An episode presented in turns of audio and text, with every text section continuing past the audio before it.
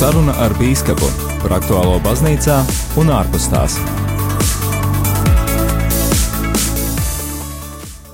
Darbie radio Marija Latvijas klausītāji, vēl joprojām valsts svētku noskaņās tiekamies raidījumā Saruna ar Bīskapu. Raidījums ar mūsu Latvijas biskupiem pārunājot dažādas baznīcas aktualitātes, skan reizi mēnesī, pirmdienā, pulksten 17. ar atkārtojumiem piekdien 22. un sestdien 11. Šoreiz ēterā es Māris Veliks un priecājos studijā sveicināt Rīgas arhibīskapu un metropolītu Zbigņevu Stankēviču, lai ir slavēts Jēzus Kristus. Mūžīgi mūžos amen.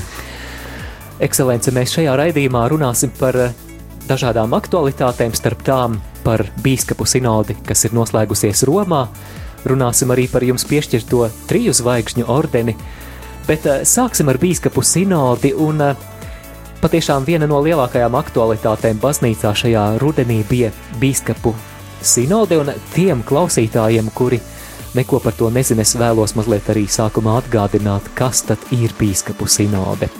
Saskaņā ar katoliskās baznīcas kanoniskajām tiesībām, tā ir biskupu grupa, kura, kuri tiek izraudzīti no dažādiem pasaules reģioniem un satiekas noteiktos laikos, lai veicinātu vienotību starp Romas pāvestu un bīskapiem, kā arī lai palīdzētu pāvestam ar savu padomu, ticības un morāles saglabāšanā un izaugsmē, kā arī baznīcas disciplīnas ievērošanā un stiprināšanā. Tātad tā ir tāda pastāvīga institūcija baznīcā, varētu teikt, padomdevēja struktūra pāvestam, kuru 1965. gadā dibināja pāvests Pāvils VI. Vēl, dārgo klausītāji, vēlos arī atgādināt, ka no šī gada 3. līdz 28. oktobrim Romā norisinājās 15. biskupu sinodes ģenerālā asamblēja par tēmu Jaunieši, ticība un aicinājuma atpazīšana. Saruna ar Bīskapu par aktuālo baznīcā un ārpus tās. Ekscelence, jūs šajā sinodē pārstāvējāt Latviju un tika izstrādāts arī noslēguma dokuments, un par ko tad bīskapi vienojās, kā, kādas tad ir tās galvenās pamatatziņas?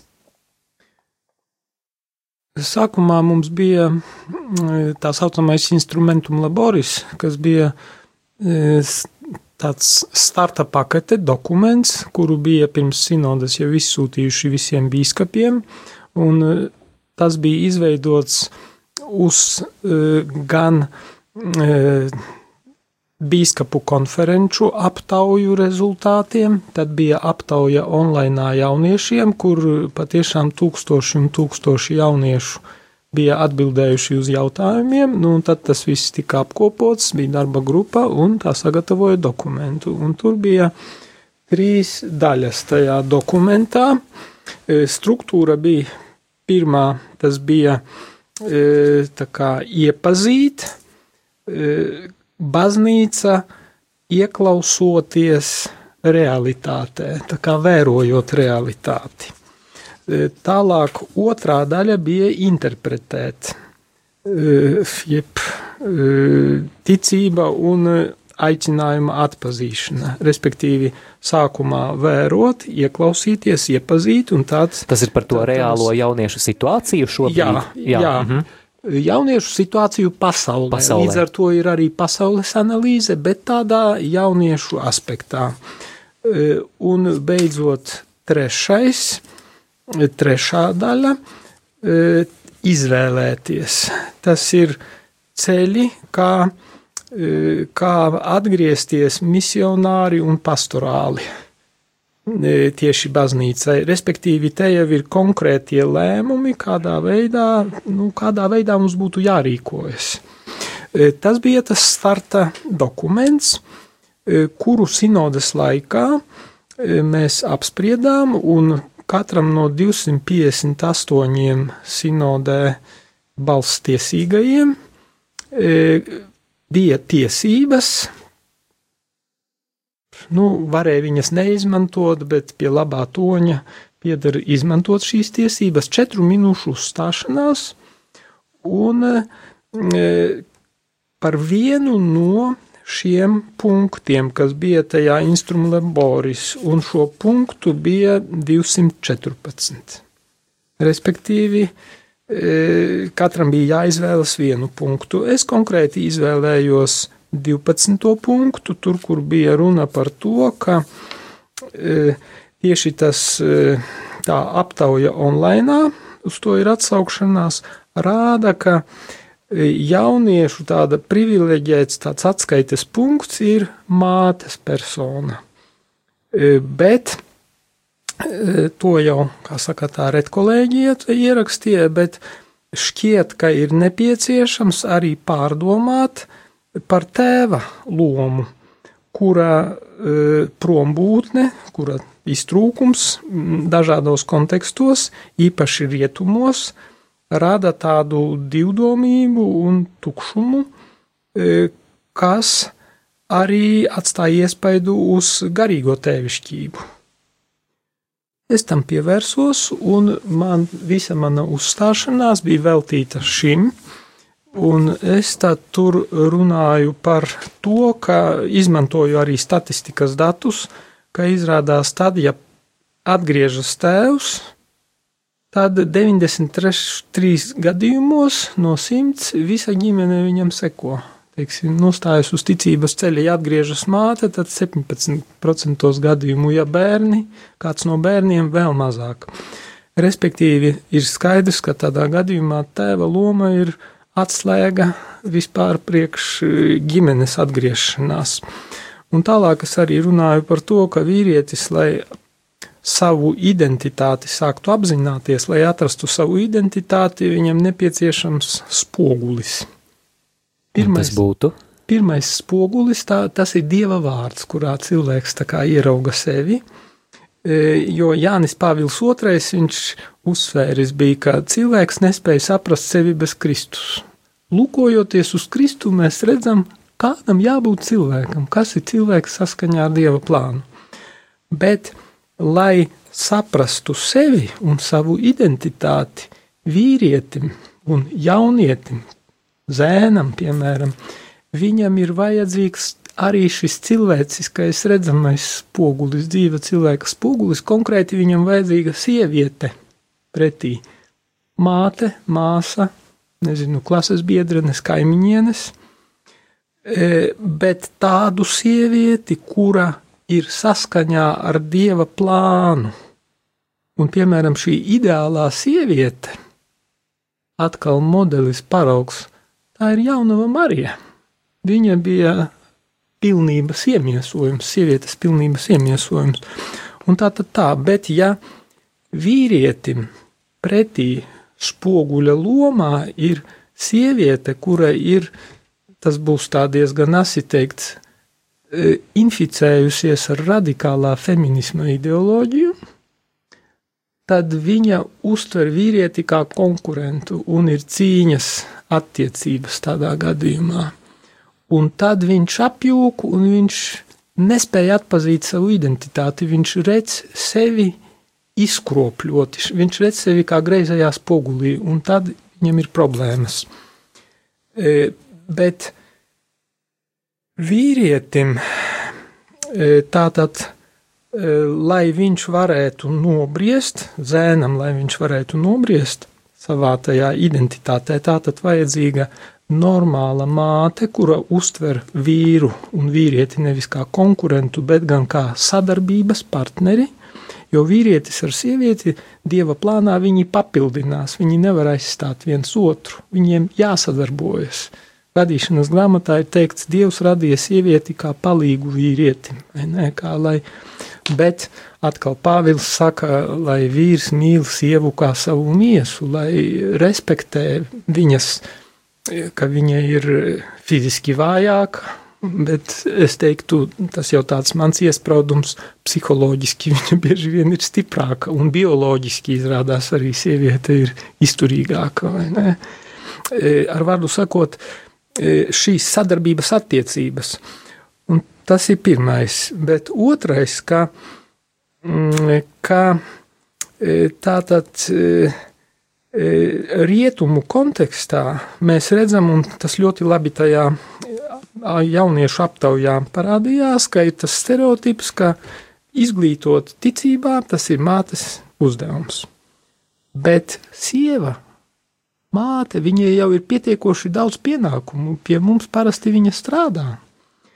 Un e, saskaņā ar dieva plānu tieši tēvs ir aizstāvis, sargs, savas ģimenes sargs. Paskatāmies Svēto Jāzepu, viņš arī šai ziņai ir labs modelis, ka viņa pienākums ir aizstāvēt ģimeni ne tikai kā tas bija agrāk, ka viņš fiziski aizstāvēja pret ienaidniekiem, bet arī pret, pret garīgām un ideoloģiskām briesmām, pret apdraudējumiem. Un tieši tēva uzdevums ir pamudināt savu ģimeni, atvērties dievam un e, dieva plānam, un, kā saka, praktizēt ticību un iedrošināt gan savu sievu, gan arī savus bērnus praktizēt ticību. Un e, savā tajā uzstāšanās reizē es tad arī beigās piemetināju, ka Latvijā mēs, ris, mēs strādājam pie šīs problēmas, jo, piemēram, pēdējo gadu laikā pie mums labi ir attīstījusies kustība Svētā Jāzepa vīri, kas palīdz vīriešiem kā, nu, atklāt savu identitāti. Tālāk mums ir Marriage un Counters, kas ir nesen attīstījies. Galu galā arī laulāto kustība, teiksim, palīdz katram laulātajam atrast savu, savu vietu. Tāpat, nu jā, tas ir tā laulī, laulāto kustība. E, laulāto tikšanās, tad ir Ekipa Notre Dame, ka mēs pie tā strādājam, Jā, tāpat arī, piemēram, Šemenef atzarojums vai Šemenef programma, kas saucās Kāna, e, strādājam pie šī jautājuma. Tātad tas ir, tas ir tas, pie kā es visu sinodas laiku strādāju, un man bija gandarījums, ka sinodas noslēgumā, kad mums iedeva noslēguma dokumenta projektu, jo šī jautājuma tur nebija iekšā gan tas, ko es pateicu, bija ļoti pozitīvi uztverts, bet to neiestrādāja beigās tajā priekšpēdējā dokumentā, respektīvi dokumenta projektā. Bet es iesniedzu divus priekšlikumus, un ielika, protams, ne jau visu, bet ielika vismaz tik daudz, ka arī tēvam ir svarīga loma bērnu saka, audzināšanā ticības ceļā. Paldies, ekscelence, ka padalījāties. Es tieši gribēju jautāt, eh, kas tad bija tas jūsu vēstījums sinodes tēviem?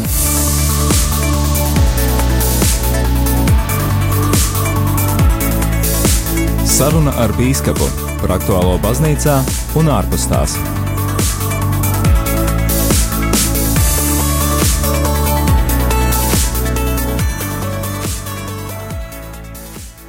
Tad, kad es redzēju tajā beigu dokumenta projektā, ka ļoti daudz tika runāts par jauniešu pavadību, ka viņus tā, tā kā vajag uzklausīt pirmā, pirmā lieta, tas sinodas laikā bija kā vadmotīvs. Jāieklausās, jāuzklausa. Tā nav jāatstāj pašplūsmā. Bet otrs, ka viņi jāpavada, jāiet ar viņiem kopā. Un tajā beigu dokumenta projektā es skatījos, Par to individuālo pavadību bija pilns, bet nebija ne vārda par to, ka vajag pavadīt arī kopienas lūkšanu grupas un dažādās jauniešu iniciatīvas. Un tas otrais mans priekšlikums, ko es burtiski pēdējās sinodas dienās gan iesniedzu, gan arī tiku pie vārda lielajā aulā to brīvo uzstāšanos e, laikā, ka ir nepieciešams, lai šādas grupas tiek gan, nu, saka, priesteru pavadītas. Un man bija dziļš gandarījums, ka beigu versijā viņi ielika, pat mazliet pastiprināja to. Tur ir ielikts teksts, ka šādas, teiksim, lūkšanu grupas kustības, ka e, ir nepieciešams, lai baznīcas gani, pastori tur ir tāds vārds, kas ietver gan priesterus, gan, teiksim, visāda, visāda veidā atbildīgos, ka ir jāpavada. Līdz ar to tas bija tas mans konkrētais, kā saka, ieguldījums, bez tam vēl man bija viena e, uzstāšanās, tā saucamā brīvā, kur es pastāstīju par aicinājumu atpazīšanu. teiksim, savu izpratni, par cik man par atpazīšanu rakstīju arī savu maģistra darbu Ljublinā. Un nu, man ir sava, var teikt, bagāta dzīves pieredze, un padalījos arī mazliet ar to savu personīgo pieredzi attiecībā uz atpazīšanu, un man pat pāvis divas reizes pēc tam pateica paldies, un, un citi arī, jā, tieši par to personisko liecību. Tātad šī vēsts atrada dzirdīgas ausis. Paldies, ekscelence, bet ēterā atgriezīsimies pēc mūzikas pauzes.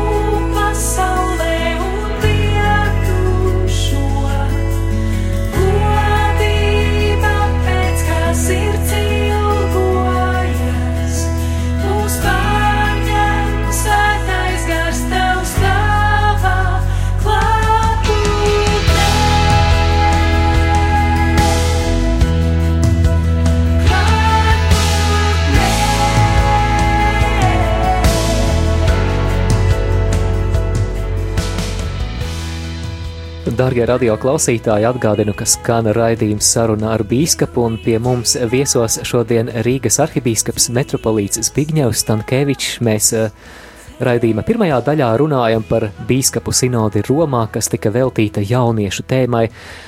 Ja jums uh, dažās minūtēs būtu jārezumē šīs sinodes, tas sausais atlikums, tās galvenās atziņas, jūs jau minējāt, bija tā, tie trīs pamatbloki jauniešu situācija, ticība un aicinājums, un tad arī konkrētie soļi, konkrētā rīcība, tad kā jūs radio klausītājiem varētu pastāstīt, kas tad ir šis sinodes iznākums? Pirms tos pašus praktiskos slēdzienus gribu vēl Jā. par to procesu un par to dinamiku mazliet pastāstīt. Tātad sākuma dokuments bija redzams, ka bija rūpīgi sagatavots, bet tas saņēma diezgan spēcīgu kritiku no sinodas tēvu puses. Ne tādā ziņā, ka tas, kas tur ir, ka tas ir slikti. Tur, tur pamatā viss bija labi, bet par to, kā tur nav Par, par to viņš tika kritizēts. Un kā tad tur nav? E, Nebija? Nu, lūk, nu, piemēram, ir lietas, kurām, pie kurām es piestrādāju, bet arī Jā. citi. Tas, kas izskanēja, piemēram, no arhibīskapa Kondruseviča puses, tas, ir, tas tika arī nopublicēts Minskas metropolīts, saka, bet te par euharistiju nekā praktiski nav. E, tad e, no Polijas arhibīskaps uzstājās metropolīts, kas atbildīgs par jauno evanģelizāciju. Viņš saka, bet vārds kerigma tur ir minēts tikai divas reizes, un pie tam vienreiz tādā kontekstā, ka, nu, studentiem vajag kā studēt to pārdomu, meditēt par kerigmu.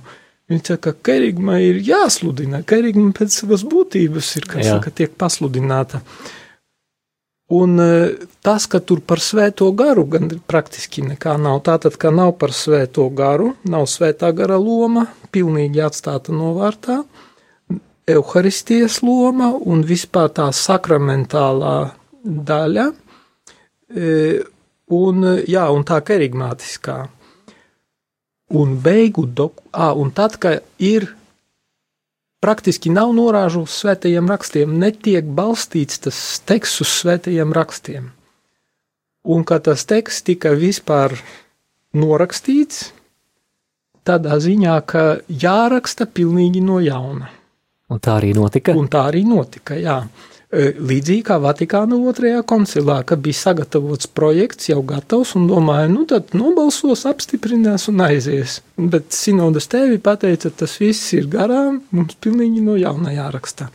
Nu šoreiz nebija tik radikāli, jo tās trīs daļas palika, bet viņas tika pilnīgi savādākā, caur savādāku prizmu tika skatītas kā atslēgas teksts tika paņemts eh, Lūkas evanģēlīja 24. nodaļa, tur, kur Jēzus ceļā uz Emausu, un tagad tie, eh, tie tās nodaļas saucās pavisam savādāk, respektīvi tā ideja palika, teiksim, tas, tas iekšējais saturs, bet pirmā daļa – Viņš gāja kopā ar viņiem, viņš pievienojās viņiem, tiem diviem mācekļiem Jēzus.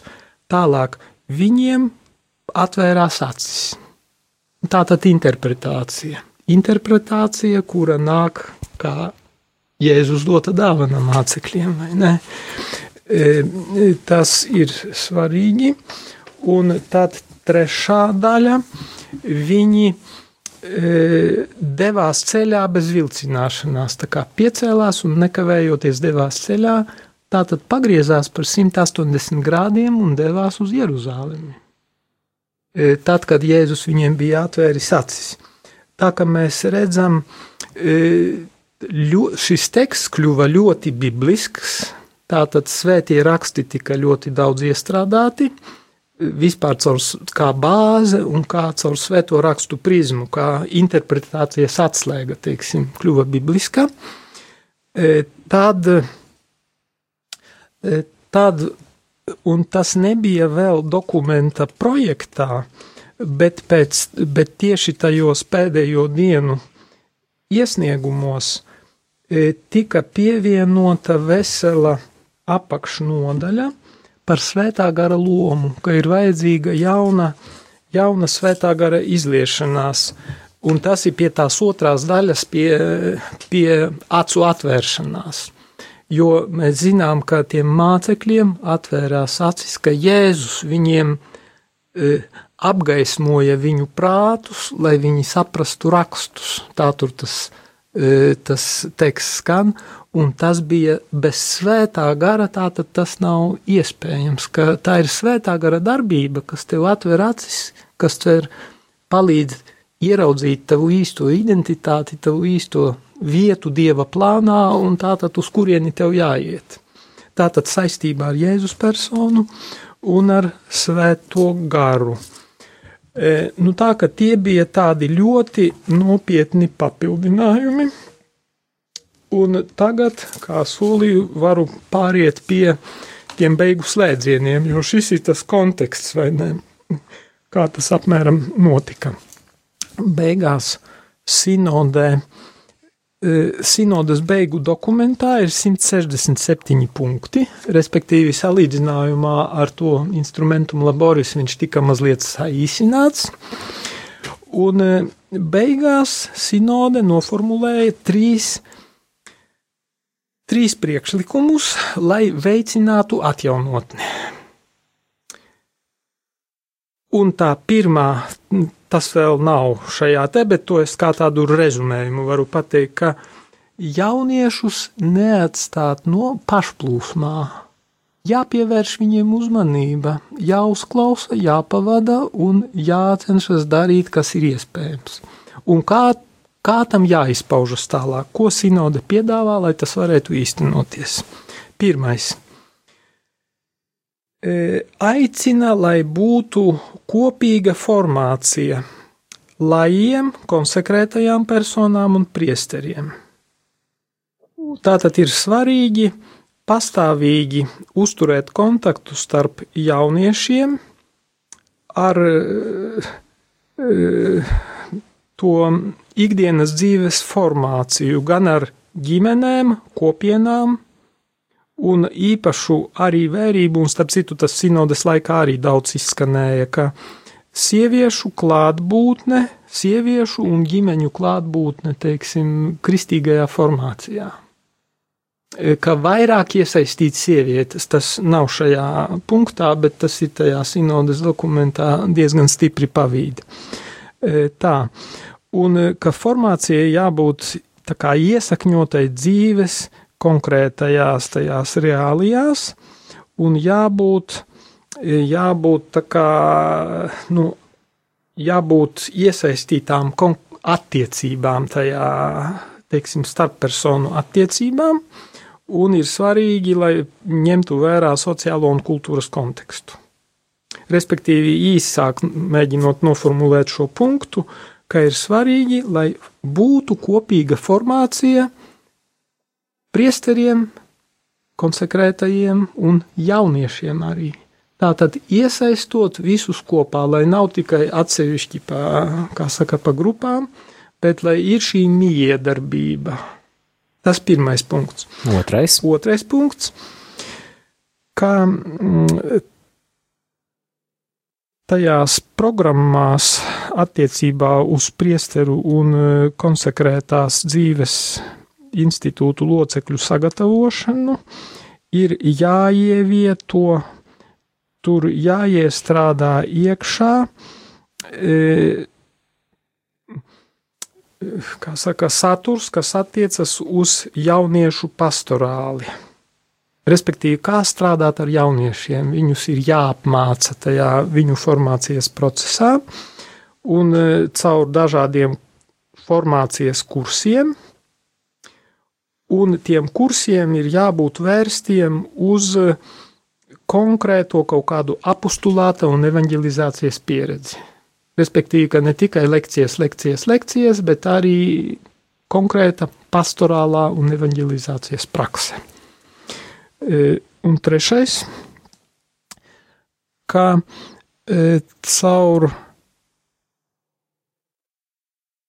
vārdu sakot, ka tas attiecas uz priesteru formāciju, ka ir, ir svarīgi tā kā no jauna pārskatīt formācijas ceļu, teiksim, priesterības kandidātiem, kas tanī, kas attiecas uz pieredzi un kopienu. Sevišķi tas attiecas uz beigu formācijas, beigu posmu, ka tur vajag jau pakāpeniski viņus ielaist iekšā tā, kā teikt, pastorālē, lai viņiem ir kontakts ar, nu, ar tām reālijām, ar kopienām, ar ģimenēm, ar jauniešu dažādu pastorāli. Tādā ziņā. Bet vai tā ir pietrūcis? Pasaulē acīm redzot pietrūcis. Jā, mēs to pēdējo, nezinu, desmit gadu vismaz laikā, mēs diezgan citīgi pie tā strādājam. Mums ir bijis agrāk, ka es atceros, kad es tikko biju iesvētīts par priesteri, mums semināristi gāja uz skolām e, ar katehēzi.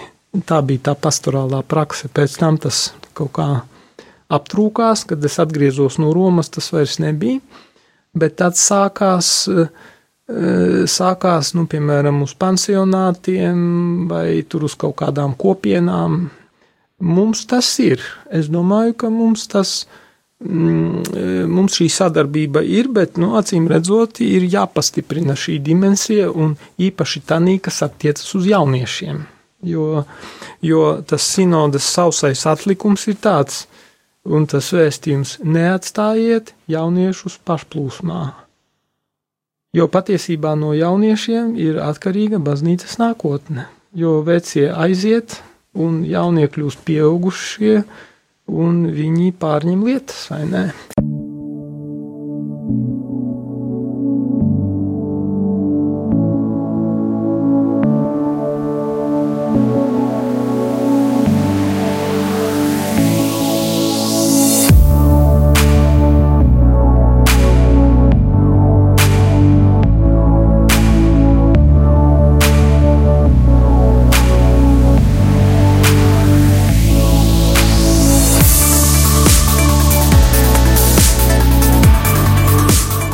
Darbie radio klausītāji, atgādinu, ka skan raidījums saruna ar bīskapu, un pie mums viesos šodien Rīgas arhibīskaps metropolīts Zbigņevs Stankēvičs. Mēs uh, raidījuma pirmajā daļā runājam par bīskapu sinodi Romā, kas tika veltīta jauniešu tēmai, un um, pēc šī sinodes vēstījuma rezumējuma jautāšu par Latvijas situāciju, kā jūsuprāt šajā sinodē nolemto un atpazīto būtu iespējams īstenot Latvijā, un uz ko jūs mudinātu draudzes, lai tas notiktu? Pirmkārt, vēl atgriežoties pie tā trešā punkta, tur beigās ir tāda piebilde, ka šo piesaisti tām reālijām, ka ir nepieciešams, lai to izdara konkrētās bīskapu konferences. Jo tātad katrā valstī var būt atšķirīga situācija, atšķirīgi konteksti, un nu, reālies citas, un tāpēc bīskapu konference ir tā, kurai ir jāveic, teiksim, nu, tā implantācija šo, šo lēmumu. Un kas mums, kas pie, ko pie mums Latvijā vajadzētu darīt? Nu, pirmkārt, ir mums ir Vidzemes katoļu jauniešu centrs, kurš vairāku gadu garumā jau e, ir gatavojis līderus, tā saucamā līderu skola, divgadīga. Man liekas, bija jau otrais izlaidums pagājušo gadu pavasari. E, tur nebija liels skaits, bet es domāju, ka to vajadzētu turpināt un tā kā mm, iet plašumā, jo mana, mans tas skatījums, redzējums ir tāds, ka katrā draudzē vajadzētu būt atbildīgajam par jauniešu darbu, kas ir kāds no jauniešiem. Un eh, ka prāvestiem un draugu priesteriem un vikāriem arī, bet, protams, prāvesta vadībā būtu eh, par to jā, kā jāmobilizē draudzē, jālūdzas, varbūt sākt ar lūkšanu par to, jo man daudzās draudzēs saka, mums nav jauniešu, mums nav tāda, nav, nav tāda, kurš varētu būt tas līderis, un, kā saka, nekas nav, un es neko nevaru darīt. Labi, tad acīm redzot, trūks dieva žēlastības, jo es neticu, ka visur ir tukšs vai nē. Mums ir tādas draudzes, kur ir jaunieši, kur viņi aktīvi darbojas, iesaistās un tā tālāk. Sākt ar lūkšanu kampaņu. Galu galā, ja ir bijusi sinode veltīta jauniešiem, pāvests sinodi nesa, nesasauc tāpat vien. Pāvests vēro laika zīmes un uz tām rēģē. Un tas nozīmē, ja jau viņš sinodi bija sasaucis, tas nozīmē, ka šī tēma ir aktuāla, ka tā ir samilzusi un ka tā ir vienkārši, ka tā ir prioritāte šobrīd baznīcā, vai ne?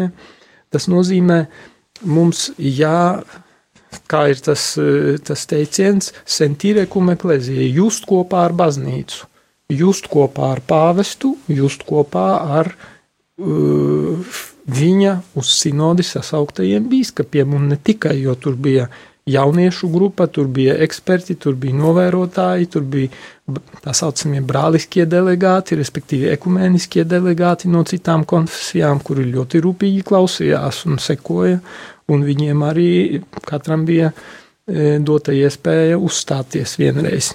E, tātad, ka mums vienkārši jāsāk par to domāt un uztvert to nopietni. Bet nevis, nu, labi, Romā tur kaut kas bija, un viss, bet uz mani tas neatiecas. Bīskaps tur kaut ko parunā, bet mm, man ir citas reālijas, es te zinu, ko man vajag. Nē.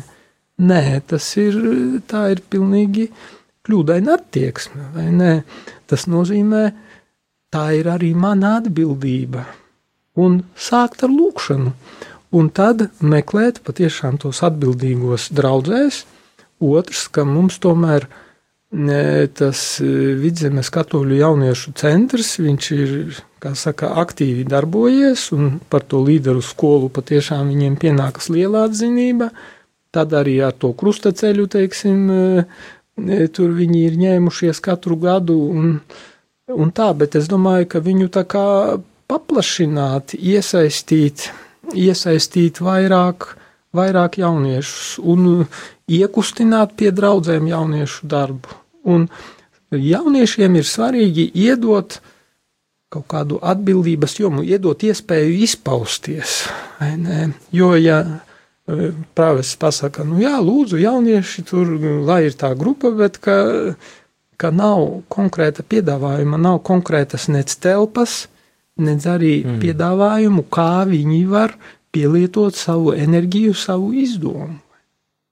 Un, protams, jauniešiem, ko baznīca viņiem piedāvā, tas pirmais, tas ir pašiem palīdzēt pašiem viņiem augt tajā kristīgajā dzīves izpratnē, kristīgajā briedumā, palīdzēt viņiem kā, jā, padziļināt savu ticību, un kas no tā izriet konkrēti, arī nest to tālāk, evanģelizēt. Jo tā kā Jānis Pāvils II rakstīja, ticība pieaug, kad tā tiek nodota tālāk. Bet e, tieši šeit ir vajadzīga tā, tas līdzsvars. Tieši te ir svarīga ganītāju, ganu pavadība, priesteru pavadība. Jo e, es redzu arī, tie ir mani novērojumi, kas vairāku gadu desmitu garumā, ka ir divas galējības. Viena galējība ir, kad, piemēram, kaut kāda tur grupa, tie var būt jaunieši, tie var būt kaut kāda cita tur lūkšanu grupa, ka viņi sāk strādāt pie pilnveidošanās. Un viņi strādā un strādā, un viņi visādus tur kursus, un teoloģiskus, un psiholoģiskus, un personības attīstības, un viņi visu laiku tikai sev pucē spalviņas, un pucē, un pucē, un pucē, un pucē, bet uz āru nekādas atdeves. Un beigās viņi ieciklējas ap savu ego un noslāpst visa tā iniciatīva, jo mm, dieva gars aiziet tur, kur, kā saka, netiek lietotas viņa dāvanas evanģelizācijai. Un otra galējība ir, ka, o jā, vajag evanģelizēt, un tad skrien pa visu pasauli un iekrīt aktīvismā un tikai visur, visur, visur, visur, bet aizmirst par to, lai sakārtotu savu iekšieni. Un e, ganītāja uzdevums, gana uzdevums ir palīdzēt neiekrist nevienā no šīm galējībām, tā kā pavirzīt, ievirzīt, palīdzēt saglabāt līdzsvaru tā, lai ir atdeve uz āru, bet lai nav tā, kā ar to es esmu arī saskāries, ka pat divus gadu desmitus, piemēram, ļoti aktīvi nodarbojas ar evanģelizāciju, un beigās ir izdegšanas sindroms, un ir sajūta, ka, piemēram, no līderu puses, ka es esmu ticis izmantots, jo no manis tikai prasīja, lai es skraidu pa visu pasauli un evanģelizēju citus, bet neviens nav pajautājis, kā es jūtos un kādas ir tavas vajadzības un kā, kas ir vajadzīgs, lai tu, kā saka, augtu pats. E, tur tā ir ļoti tāda delikāta lieta, un tāpēc sinode runā par izšķiršanu, pavadīšanu, vērot, saprast, interpretēt un darīt korekcijas. Eterā atgriezīsimies pēc mūzikas pauzes.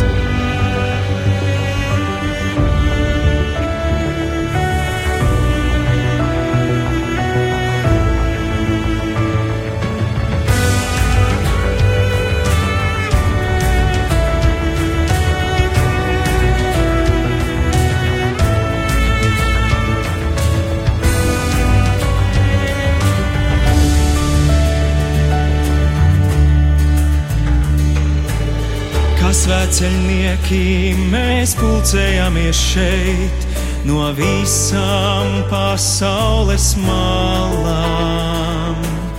Ilgojamies patiesi Dieva kalpi būt, nes tavu vārdu, tavu vēstī. Māci sacīt jā, kā to teica Marijā, kad lūdzies daļa mana plānā.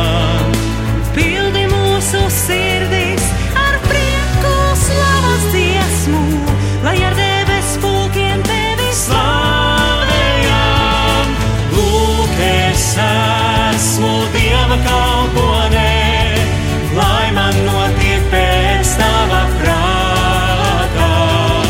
Lūk, es esmu dieva kalponē, lai man notiek pēc tava prātā. Tavi izredzētie mēs, sūtīti pasaulē, tavi dārgi.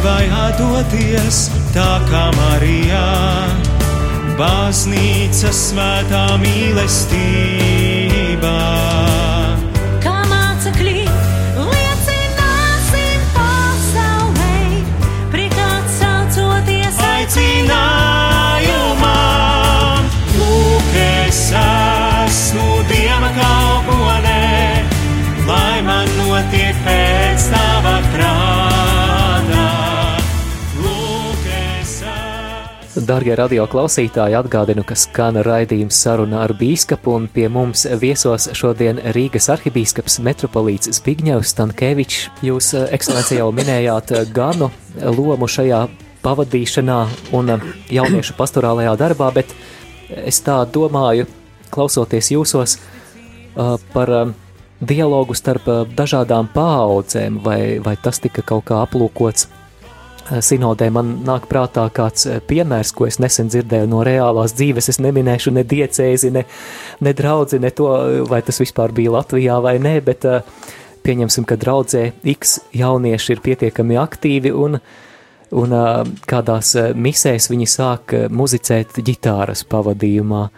Un tad uh, draudzes seniori pret to sāk protestēt, bet tai pašā laikā arī priesteri neaizliek nekādu vārdu jauniešu labā, un tad uh, tā iniciatīva noplok.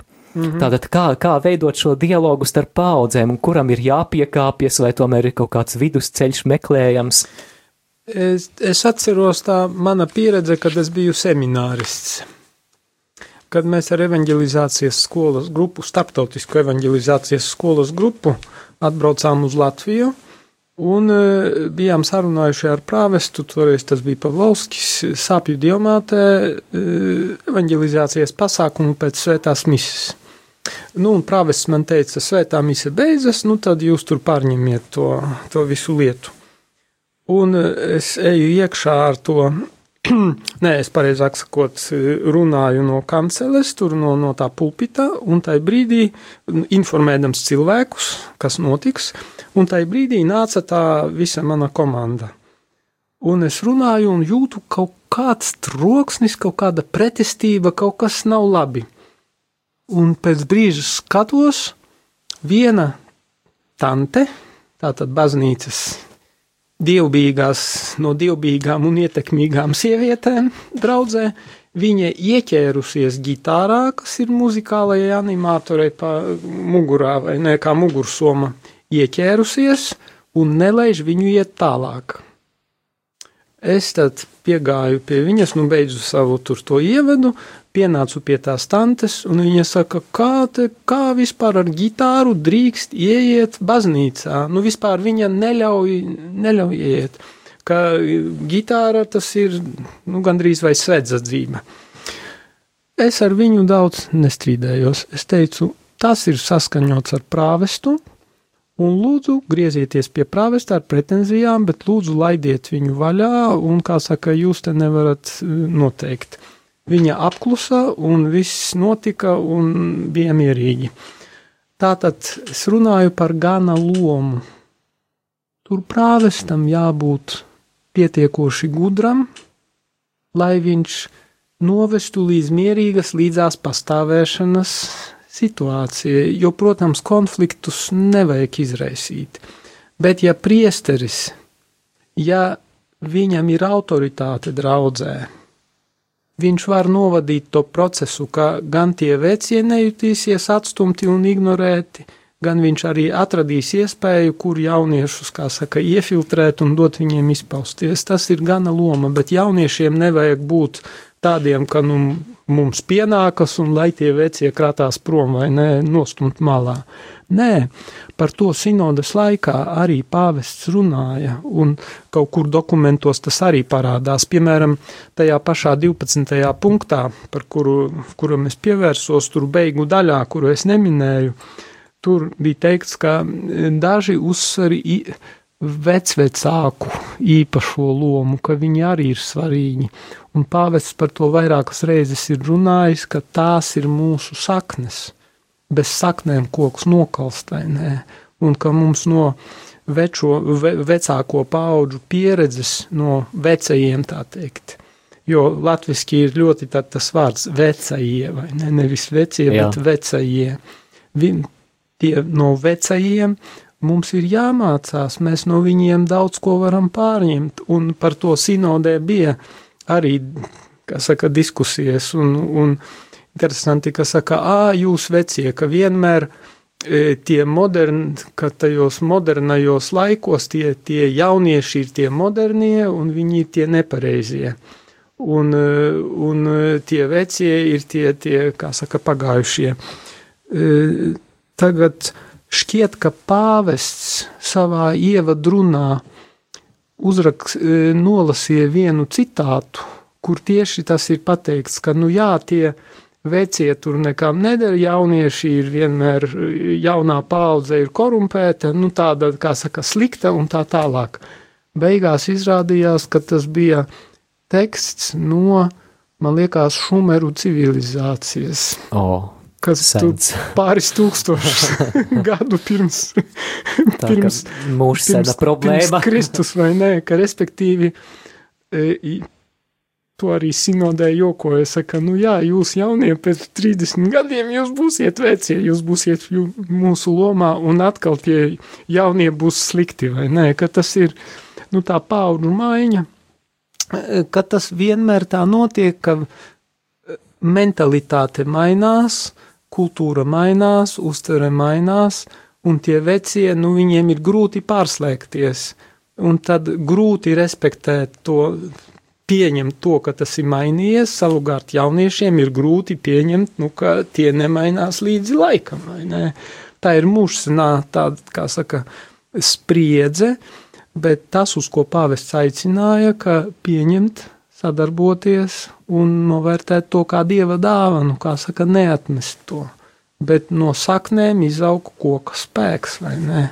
Un galu galā to arī Šartras skolas viens no tiem domātājiem, tā bija izcila viduslaiku filozofijas, filozofijas teiksim, filozofiski teoloģiska skola, jo tas bija klosteris, un tur uh, viens no tiem domātājiem teica, un tas slavens teiciens, ka mēs esam e, punduri uz milžu mugurām. Un mēs redzam tālāk nevis tāpēc, ka mēs būtu lieli, bet tāpēc, ka pateicoties, saka, viņu sasniegumiem, viņu lielajam augumam, mēs esam uzrāpušies viņiem uz skausta un tāpēc tagad redzam tālāk. Ekscelence, vai sinodes laikā jums bija arī iespēja personiski satikt pāvestu? Katru dienu ar retiem izņēmumiem, jo viņš piedalījās e, praktiski visās sesijās, izņemot tad, kad viņam bija trešdienas vispārējā audience, vai arī pie viņa atbrauca tur kāds prezidents vai patriārhs, vai nu, ar ļoti retiem izņēmumiem. Viņš klausījās uzmanīgi visas uzstāšanās, Un eh, tad, kad es ar viņu pārrunāju kādu jautājumu, jo es viņu informēju arī par nu, saviem, teiksim, par savām iecerēm, projektiem un saņēmu patiešām no viņa arī iedrošinājumu, ne par vienu vien. Un uh, uzdāvināju viņam arī savu grāmatu, jo es pajautāju viņam, vai es drīkstu. Viņš teica, jā, protams. Un, Un pēc tam mēs arī pārunājām to problemātiku, kas e, tajā manā doktora darbā bija. E, viņš tā ieinteresējās un teica, o, jā, es šito nezināju. Tā, tā bija gandarījums, ka par Heidegeru konkrēti kāds bija iemesls, ka viņš, kā saka, uzkārās vai ne, ko Edīte Šteina bija mm, citējot. E, Hedvigu Martijus bija uzrakstījusi vienā no saviem darbiem. Tā, E, tātad pāvests uzmanīgi sekoja, un interesanti, ka viņam ir tāds man iespējas fenomenāla atmiņa, jo pie viņa taču nāca klāt daudzi cilvēki. Tur nu, dienas laikā, ja katrs runā par četrām vai citos gadījumos, kad jau bija tā pēcpusdienas sesija un bija brīvās uzstāšanās trīs minūtes, tas ir milzīga intensitāte. Un ka ar viņu parunā, un nākošā dienā vai pēc dažām dienām ar viņu, kā saka, vēlreiz sāc runāt, viņš atcerās un viņš rēģē uz, uz tevis teikto. pārsteidzoši. Mani tas patiešām pārsteidza, ka viņš atcerās. Un, nu jā, viņš vēro realitāti, tā kā sinodē tie trīs punkti - interpretē, un tad reaģē, dodot tev impulsu? Piemēram, saka, turpini kā līdz šim, vai ne? Turpini tādā garā, vai ne? Vai dodies uz priekšu, bet skaties, vēro un esi uzmanīgs, tā.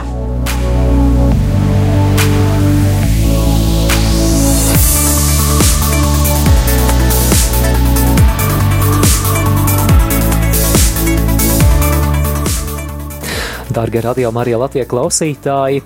Savam noslēgumam jau tuvojas raidījums sarunā ar bīskapu, kurā pie mums viesos Rīgas arhibīskaps un metropolīts Zbigņevs Stankēvičs. Ekscelence, es radio Marija kolektīva un klausītāju vārdā vēlos jūs no sirds un ar lielu, lielu prieku apsveikt ar kādu pavisam, pavisam nesenu notikumu. Proti, pavisam nesen pirms dažām dienām, sestdien, jūs esat kļuvis par triju zvaigžņu ordeņa kavalieri, lielvirsnieku.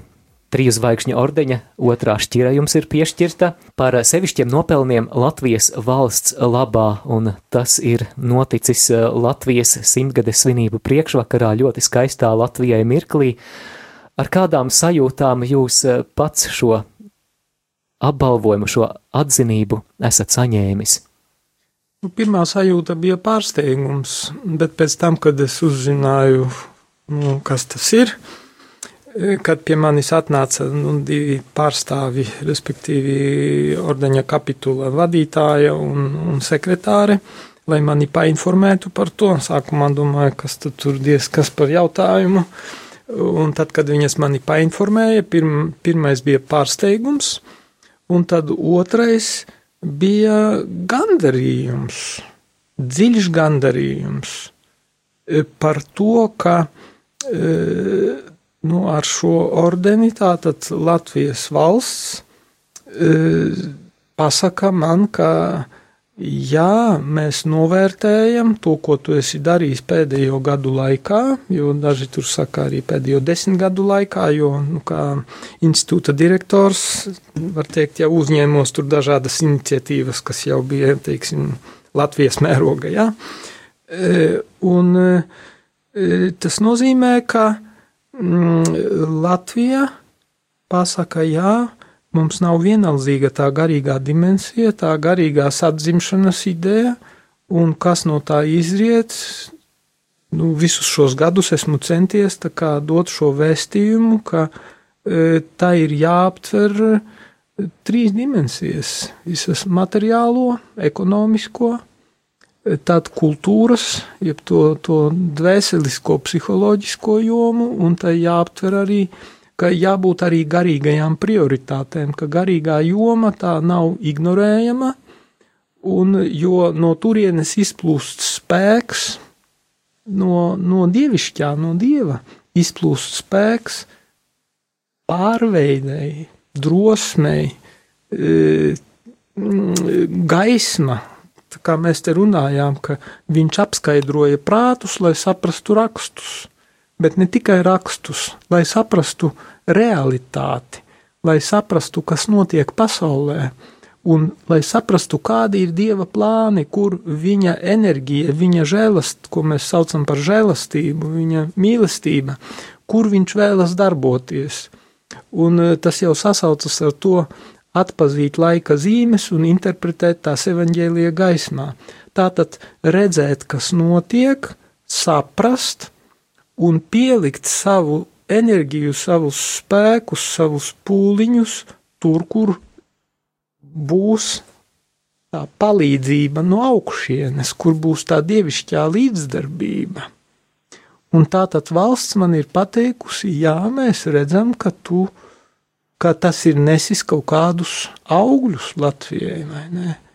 Patiešām man tas ir apstiprinājums tam, ka esmu uz pareizā ceļa, un iedrošinājums turpināt ar vēl lielāku spēku. Un, domāju, šis apbalvojums man arī nu, iedrošina sabiedrību, plašāku sabiedrību līdzdarboties tajos projektos, kuru, uz kuriem es aicinu. Tā ka man ir dziļš gandarījums un prieks par to.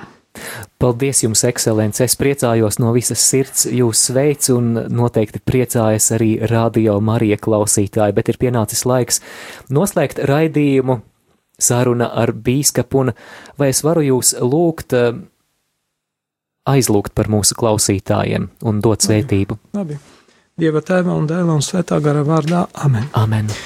Kungs, Dievs, mēs tev pateicamies par Radio Mariju, par Radio Mariju kolektīvu, par viņu entuziasmu, par viņu tādu uzupurēšanās garu un, un vēlmi patiešām uh, sludināt tavu valstību un dalīties tajā gudrībā arī, kas nāk no augšienes. Uh, un es tevi lūdzu par visiem radio Marija klausītājiem, lai tu pieskaries šobrīd viņu sirdīm, lai tu viņus iedrošini vairāk atvērties uz tavu klātbūtni viņu dzīvē, lai tu, kungs, ar savu garu arī apskaidro viņu acis, viņu sirdis, lai viņi saprot labāk rakstus, lai viņi labāk saprot apkārtējo realitāti, tajā notiekošos procesus un tavu plānu visā tanī, un lai viņi līdzīgi kā tie mācekļi ceļā uz Emos apskaid tavu vārdu un tava gara apskaidroti,